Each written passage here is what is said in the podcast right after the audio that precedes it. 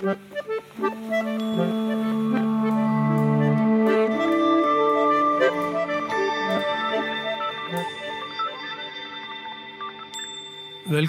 til eh, podkasten eh, Ytringsklima. Her snakker vi om hvordan folk snakker sammen i organisasjoner. Eh, jeg heter Øyvind Kvalnes. Jeg er filosof og jobber her på Handelshøyskolen BI. Og i dag skal vi ha en episode som handler om tillit. Og eh, gjest i studio er sosiolog Helge Skirbekk som er tillitsforsker, eh, sosiolog ved Universitetet i Oslo, avdeling for helseledelse og helseøkonomi. Velkommen hit. Mange takk for det.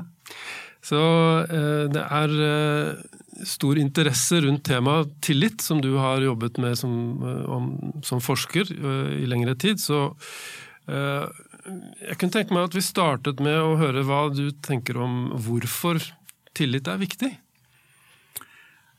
Det jeg er mest opptatt av, og som jeg også tror er svaret på spørsmålet ditt, er at tillit skaper eh, handlingsrom. Eh, eh, det gir muligheter for å handle, muligheter for å kunne gjøre ting som man ellers ikke ville kunne gjort. Og da er også Altså For politikere så er det jo selvfølgelig eh, viktig å vite at tillit eh, gir politikerne handlingsrom. Det så vi jo under pandemien nå. At, eh, at eh, folk stort sett fulgte de anbefalingene som man, man fikk. Eh, og eh, at man har vaksinert seg i en veldig stor grad, kanskje mer enn i noe annet land i verden. Eh, vi hører på de rådene vi får. Eh, og tillit er jo da, eh, som jeg har sagt, noe som skaper handlingsrom. Jeg er opptatt av at, at Jeg er opptatt av hvordan, hvordan mennesker Hvorfor mennesker handler på den måten de gjør. Altså Sosiologer er opptatt av normer, økonomer er opptatt av, av rasjonelle valg.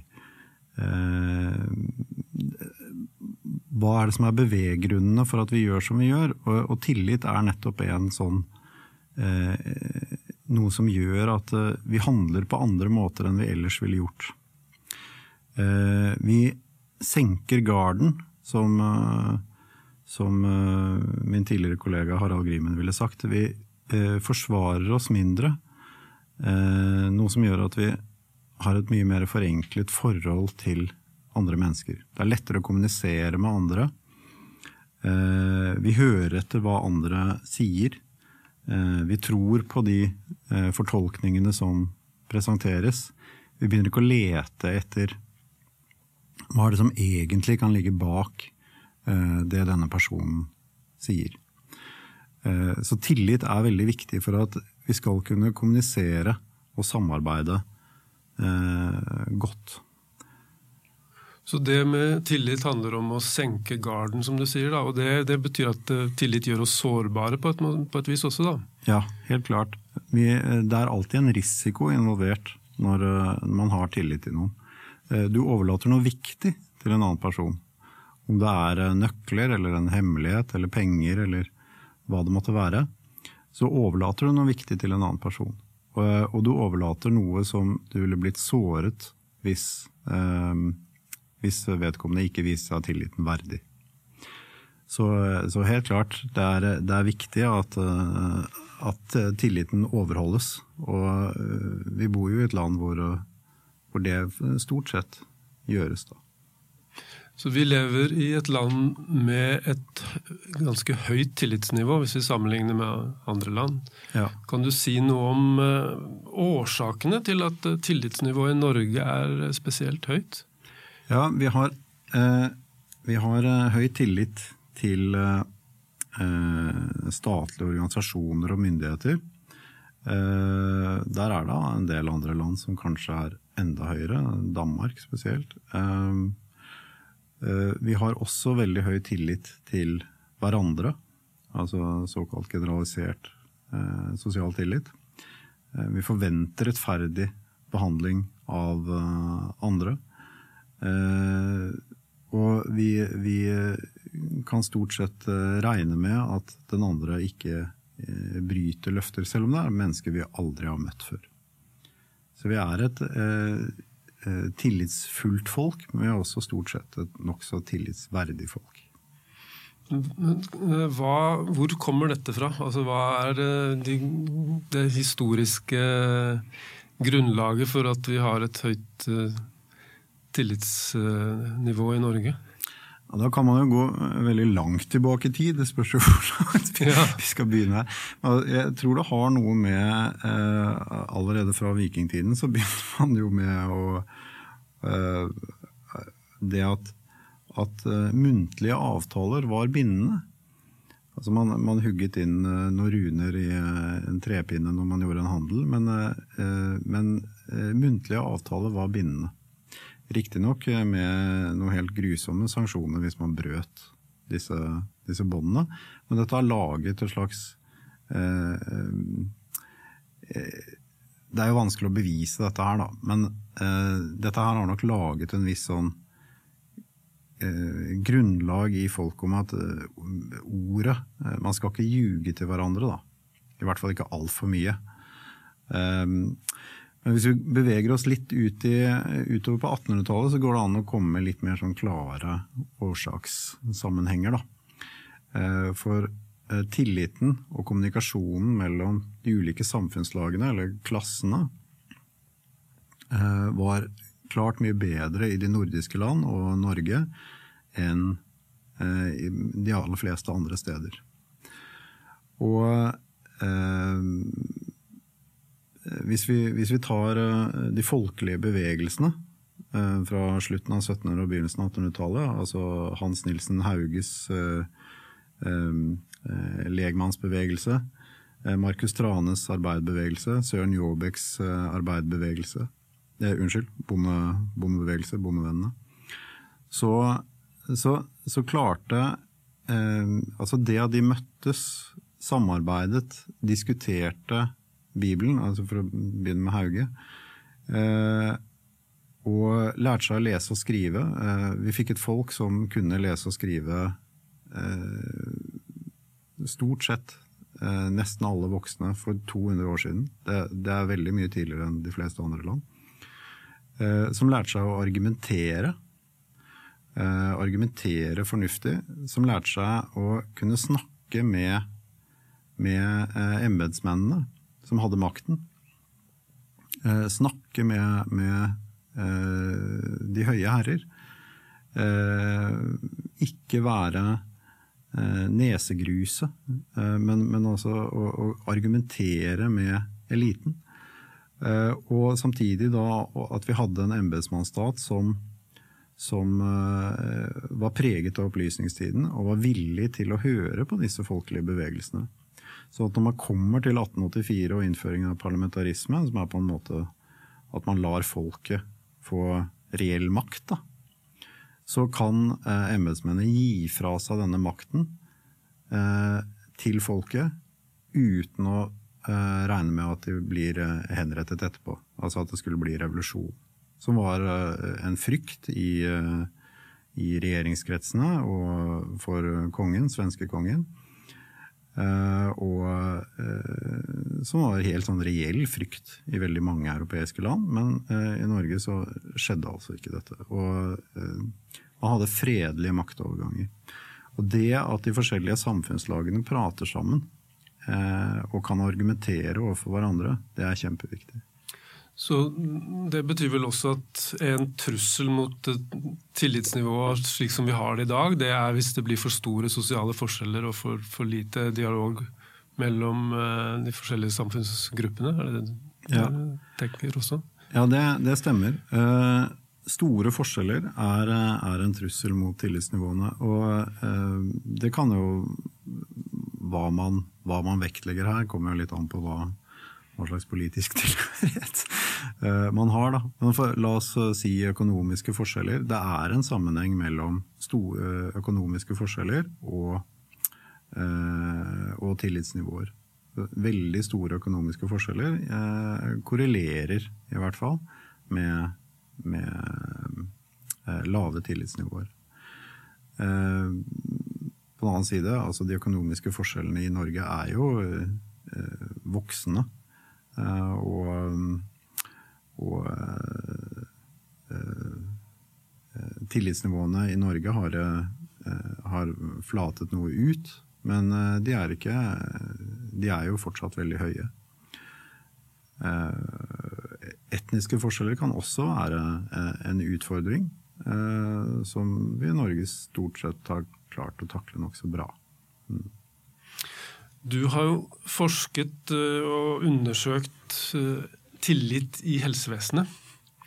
Og tillitsforholdet mellom behandlere og pasienter. Hva har du lært eller trukket ut av den, den forskningen? Hva er det som kjennetegner tillitsforholdet mellom behandler og pasient? Uh, ja, nei, uh, jeg har jo trukket sosiologien inn i, inn i, uh, i helsevesenet. Så jeg er jo fortsatt opptatt av hva det er som skaper handlingsrom. Hva er det som gjør at, at legen kan, kan, si og gjøre ting som pasienten etterfølger? hva gjør at pasienten stoler på legens dømmekraft? Hva er det som gjør at pasienten har tillit til legen, er villig til å dele disse hemmelighetene? Er villig til å eh, fortelle hemmeligheter som kanskje ikke deles med de aller nærmeste? Er villig til å kle seg naken, er villig til å la seg fysisk undersøke? Eh, og jeg har jo da gjort en studie blant eh, i allmennpraksis, altså hos allmennpraktiserende leger, og sett på hva som skaper dette dette handlingsrommet gjennom tillit. Eh, og det eh, jeg kom fram til da, eller vi kom fram til, det var såkalte tillitsmandater. Dette begrepet tillitsmandater.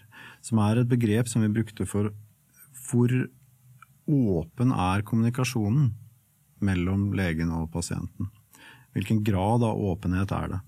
Er tilliten Eh, er tillitsmandatet lukket, så er det veldig snevert hva det er man er villig til å snakke om. Hva man er villig til å overlate av dømmekraft til den andre part. Mens hvis det er åpent, eh, så er man villig til å snakke om nesten hva som helst. Eh, og det siste kan være veldig viktig i tilfeller hvor pasienten har, har kroniske eller kompliserte lidelser. Og det er vanskelig å vite hva det er som egentlig er problemet. Altså hvis man kan tenke seg at hvis man kommer inn etter en trafikkulykke eh, og brukket bein og uh, ikke kan snakke, så er det ikke så farlig at man ikke kan snakke, for man skjønner hva det er som må gjøres her. Leger er jo ekstremt drillet i at liksom, hva er det man skal gjøre, og det går jo utrolig fort. Og, og Men hva skjer hvis man har kroniske sykdommer og, og ting som som krever at man faktisk eh, snakker godt sammen. Eh, og disse tillitsmandatene, da, det er noe som man da eh, Vi kan si at det gis jo fra, fra legen til pasienten nå, men det er mer interessant hva pasienten gir til legen. Hva slags handlingsrom får legen til å behandle pasienten? Og de tingene som vi så at åpnet dette tillitsmandatet, det er jo da denne, denne eh, tekniske dyktigheten, at man er klinisk dyktig, at man klarer å finne ut hva er det som er, er, det som er galt med pasienten. Eh, hvordan kan vi behandle dette? Eh, altså kan man medisinen? Men det er også, det er også mer eh, eh, det, det er også andre ting som gjør at pasienten vil stole på legen, og som gjør at tillitsmandatet åpnes. Ehm, ja, skal jeg gå litt inn på det? Ja, jeg syns det er spennende. Altså, det jeg kjenner fra mm, organisasjonsforskningen, er jo at man sier at eh, tillit Hvis jeg skal ha tillit til en profesjonsutøver, så øh, bygger det på at jeg mener vedkommende har evner og velvilje og integritet. Så det kan jo være at jeg er, tenker at dette er en dyktig person. Men jeg er søren meg ikke sikker på om hun vil hva som er best for meg. men kanskje tenker at hun vil utnytte ting og, og prioritere seg selv, på en måte. Uh, og så kan det være motsatt, at jeg tenker at uh, dette er en person som vil meg vel, men jeg er i tvil om uh, evnene. Så jeg fortalte jo der før vi gikk i studio at jeg for ikke, for, lenge, for ikke så lenge siden byttet tannlege. Et menneske som jeg tenker har høy grad av integritet og vil meg vel, men jeg begynte å tvile på tannlegens evner. Og det var nok til at eh, tilliten eh, raknet. Da. Ja. Nei, altså en, en, lege eller kirurg eller tannlege med skjelvende hender eh, vil jo ikke nødvendigvis inngi tillit, selv om det er et fantastisk menneske. Um, og, og, medisinsk historie er jo full av, dessverre, av, av eh, medisinsk forskning som gjort eh, som har medført store overgrep mot uh, deler av pasientbefolkningen. Gjerne, gjerne, grupper som har vært utsatt for rasisme og svarte og, og jøder spesielt da, under andre verdenskrig. Uh, men for å vende litt tilbake til, til vår tid, da. Det som, det som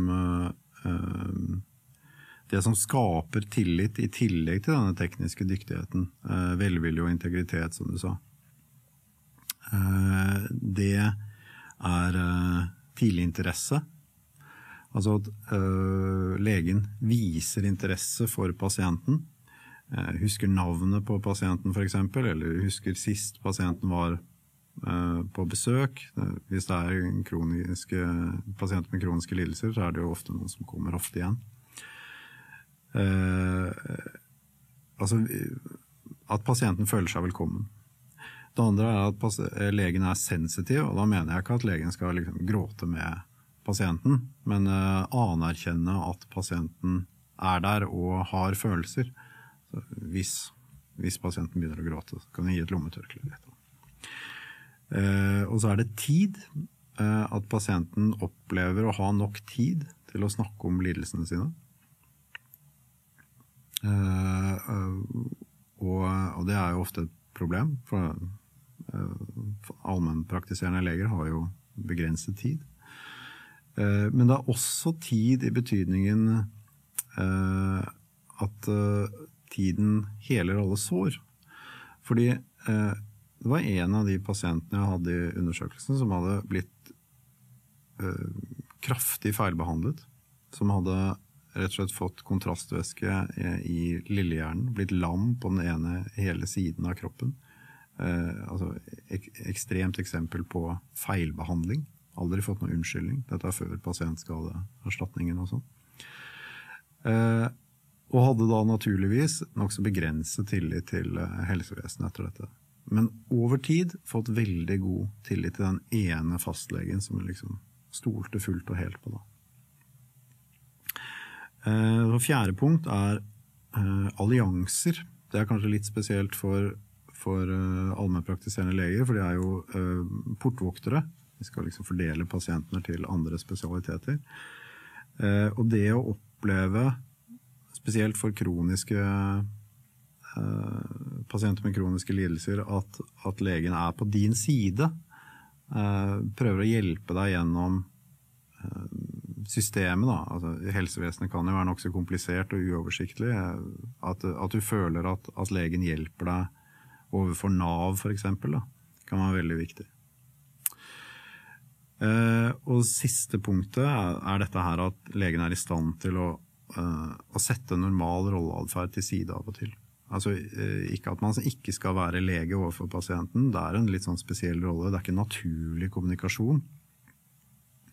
Eh, men at man er i stand til å tulle og tøyse litt av og til. Ja. Så det, er med på å skape tillit? At du kan eh, som lege gå ut av legerollen også være menneskelig på, på en annen måte? Mm. Men, men, det er veldig viktig at dette her er eh, i klammer. Altså ja. det er et begrenset tidsrom. Nettopp. Hvor man kan være det. Altså, du går ikke til legen for å ha noen å snakke litt småkleint med. Det, det, det, må, det er fordi eh, man trenger en pause av og til hvis man snakker om veldig vanskelige ting. Det var en av de pasientene jeg intervjuet som, som eh, Han hadde my veldig mye sosial angst. Uh, likte å, uh, å røyke. Uh, var egentlig veldig sosial, men, men turte liksom ikke å åpne seg. Så eh, når jeg snakket med, med, legen, så han eh, Så kom det jo inn på dette med røyking, da, for han røykte veldig mye. At, eh, at Ja, han hevdet at, at eskimoer Nei, han hevdet at røyking ikke var usunt i det hele tatt. Jeg tror ikke noe på at det er usunt, sa han. Og legen ble jo selvfølgelig veldig forfjamset. Det er jo ingen som har fått, ikke har fått med seg at røyking er usunt. Og da eh, sa han jo, nei, men eh, du skjønner det at eh, jeg, jeg, var på en sånn heisatur til Danmark for noen eh, år siden. Og da var det veldig mange som spurte om, eh, om jeg hadde grønlandske aner. Eh, og alle vet jo at eskimoer de lever til de er 150 år, og de røyker jo som gale hele gjengen. Uh, og det tok litt tid da, før legen skjønte at nå, nå tuller han bare. ikke sant? Uh, og, og så liksom Når hun anerkjente at, at han, at han lagde en spøk og, og, lo litt med ham og, og, tøyset litt med at han så litt grønlandsk ut og litt sånt noe, da Eh, så, så, så, opplevde den pasienten det som betryggende, og så kunne legen gå tilbake men, og, og si f.eks. Eh, men eh, at, at røyking er, er, sunt, det er jeg ikke enig i. Ja, så kunne pasienten være enig i det. Men dette er jo da tidsbegrenset, ikke sant. Men jeg syns det er et spennende eksempel på en litt sånn avvæpnende væremåte, som mm. faktisk kan være tillitsbyggende. Da. Mm. Uh, jeg syns dette er spennende ting, og jeg tror uh, også det henger sammen med ytringsklima. Da. Hvordan snakker vi sammen? Hvordan snakker legen med pasienten? Og, uh, og, dette med å ha tid til å lytte og være til stede for, for pasienten. Uh, jeg kom til en fastlege en gang som hadde et skilt på døra hvor det sto NB kun én plage per konsultasjon. Så det var jo det motsatte av tillitsbyggende, egentlig.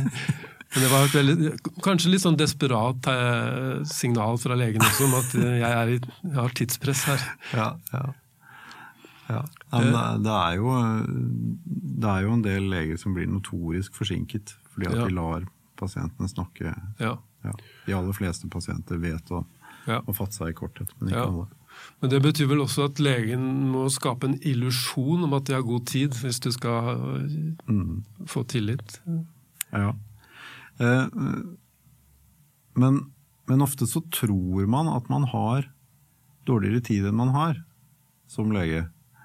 Eh, og det ble gjort en undersøkelse for 30 år siden eller noe sånt, hvor man prøvde å se på hvor lang tid tar det før, før en, eh, en, lege avbryter pasienten under konsultasjonen. Og det er altså 18 sekunder. Og det er jo ikke spesielt mye. Nei. Og eh, man kan spare mye tid ved ikke å avbryte pasienten. Eh, jeg har hatt nokså mye kommunikasjonsundervisning for medisinstudentene her i Oslo. og og det er en av de tingene vi, vi prøver å lære eh, studentene. Eh, og en av de eh, konstellasjonene jeg overvar i, i undersøkelsen, lot pasientene få lov til å snakke helt fritt, uten noen avbrytelser. Og etter fire minutter så var pasienten på Og det, det er utrolig unaturlig. Det er helt vanvittig unaturlig å stå der og ikke si noe. Og han holdt på da i fire minutter og ikke si noe. Og når pasienten da var ferdig med de fire minuttene, så hadde jo ikke pasienten noe mer å si. Så, eh, og dette var en veldig sånn komplisert sak. Eh, så det å liksom gi pasienten rom kan være utrolig tidsbesparende. Det, det, gjelder jo ikke alle pasienter, selvfølgelig. Men, men, sånn, men dette tror jeg har overføringsverdi til andre relasjoner også. Altså Kanskje et tips til ledere som skal ha en medarbeidersamtale det å la den andre få snakke ferdig og lytte, og vente med å komme med sine egne innspill. Mm. Det er jo noe som vi har tatt opp i denne podkastserien tidligere også, i en episode om aktiv lytting. Mm. Eh, så det er spennende at du kobler det opp mot uh, tillit, tenker jeg. Mm. Ehm, jeg kunne tenke meg ett siste tema før vi runder av. og det, Jeg lurer på om du har noen tanker om det når, når tilliten er eh, ødelagt. Når eh, en profesjonell, en fagperson, har eh, vist seg å ikke være tilliten verdig, som vi sier. Uh, Fins det noen vei tilbake da, eller er det, er det, så brått og dramatisk som regel? da? Det finnes jo sikkert unntak, men er mønsteret det at hvis du har mistet tillit, så skal det mye til for å eh, gjenopprette tilliten? Har du noen tanker rundt det? Det, det kommer jo veldig an på hvor, hvor uh, alvorlig det tillitsbruddet var. Ja. Altså Hvis det er en nær venn og du opplever et tillitsbrudd, så unngår du kanskje den vennen, eller eh, blir, eh, blir, sint eh, med god grunn eh, i lang tid framover. Men er, sannsynligheten er nokså stor for at du vender tilbake til den, til den vennen. Hvis det er en, en, du nettopp har etablert en relasjon til, så vil jo sjansen være mye, mye mindre for at du er villig til å gi den personen en sjanse til. Um, det er jo et sånn engelsk uh, uttrykk. Uh, fool me once, shame on you. Fool me twice, shame on me. For det, altså, da, da, er jeg lettlurt. Mm. Uh, men, men, det er noen tillitsforskere som har vært vittige da, og sagt fool me once, shame on you. Fool me twice, blame the oxytocin.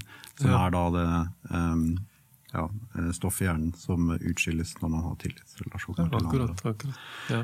Og eh, altså, tillit er mer robust enn en man ofte tror. Eh, tillit er en eh, Ordtaket er jo at, at, man skal At det tar eh, lang tid å bygge opp tillit og kort tid å bryte det ned. Eh, det stemmer jo til en viss grad, men, men eh, på et sånn samfunnsmessig nivå, da, så, så, stemmer det ikke helt, rett og slett. Eh, vi har veldig høye tillitsnivåer, og det skal veldig mye til for å bryte ned det. Eh, vi så jo det f.eks. tilliten til politiet etter 22. Eh. For elleve år siden, da. Så så eh, falt jo det Eller først så steg tilliten noe voldsomt. Tillitsnivået til politiet er veldig høyt i utgangspunktet. 80% omtrent sier at de har tillit til politiet. Og det steg enda høyere, det er nesten ikke mulig, eh, i dagene etter 22.07. Man samlet seg om, eh, om politiet. Eh, om de, de, eh, institusjonene som kunne hjelpe eh, befolkningen. da. Eh, og så kommer Gjørv-kommisjonen og viser at politiets innsats var kritikkverdig. Og tilliten faller ganske betraktelig. Eh, sånn 30 prosentpoeng eller noe sånt. Men det går bare tre måneder, så er tillitsnivåene tilbake igjen på omtrent det nivået de var i utgangspunktet. Så eh, eh, tillitsbrudd kan føre til kortvarige fall i tilliten. Men så lenge vi har en litt sånn eh, grunnleggende tro, akkurat som man har til en venn, da, på at eh, tillitsnivået er, er godt, så vender man veldig lett Eh, tilbake til, til eh, de høye tillitsnivåene. Vi gir folk en ny sjanse. Så tillit er faktisk mer robust enn det vi vanligvis tror, kanskje? da? Ja. Det er spennende. Ja. Eh, jeg tror vi runder av der. Tusen takk, Helge Skirbekk, for at du stilte opp i studio og delte din kunnskap om tillit. Tusen takk for besøket. Bare hyggelig. Mange takk for å kunne være her.